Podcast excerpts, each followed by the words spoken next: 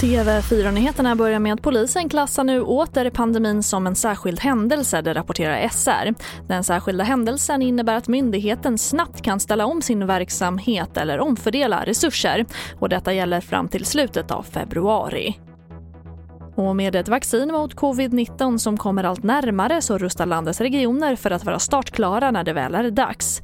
Själva processen kommer att se annorlunda ut från region till region och det planeras för allt från vaccinering i lokaler, på vårdcentraler, i särskilda boenden och i människors hem. Och medellivslängden i Sverige kommer med stor sannolikhet att sjunka i år till följd av coronapandemin enligt SCB.